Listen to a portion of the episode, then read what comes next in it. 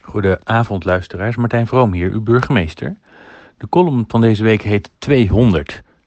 Uh, nee, dat is niet het aantal coronapatiënten in Krimpen, dat is, uh, die cijfers zijn vele malen ernstiger in de hele regio. Maar de 200ste column die ik in het contact mocht schrijven, dat is nogal wat, al zeg ik het zelf.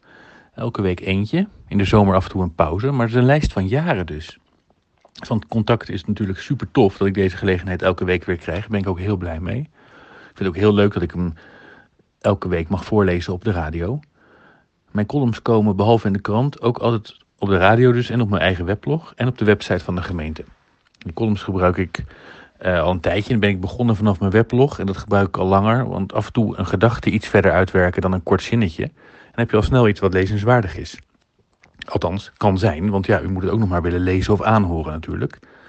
Nou, ik hoop nog een hele hoop columns voor u te mogen schrijven. Afgelopen jaar heb ik meestal een afspraak uit mijn agenda gebruikt als onderwerp. Want dan probeer ik een inkijkje mee te geven in mijn dagelijks werk. Maar misschien heeft u ook wel een idee of een vraag. Als u suggesties heeft voor een onderwerp, mailt u me dan op burgemeesterapenstaartje En dan uh, komt het vanzelf langs en uh, wie weet kan ik er wat mee. Ik hoor het graag.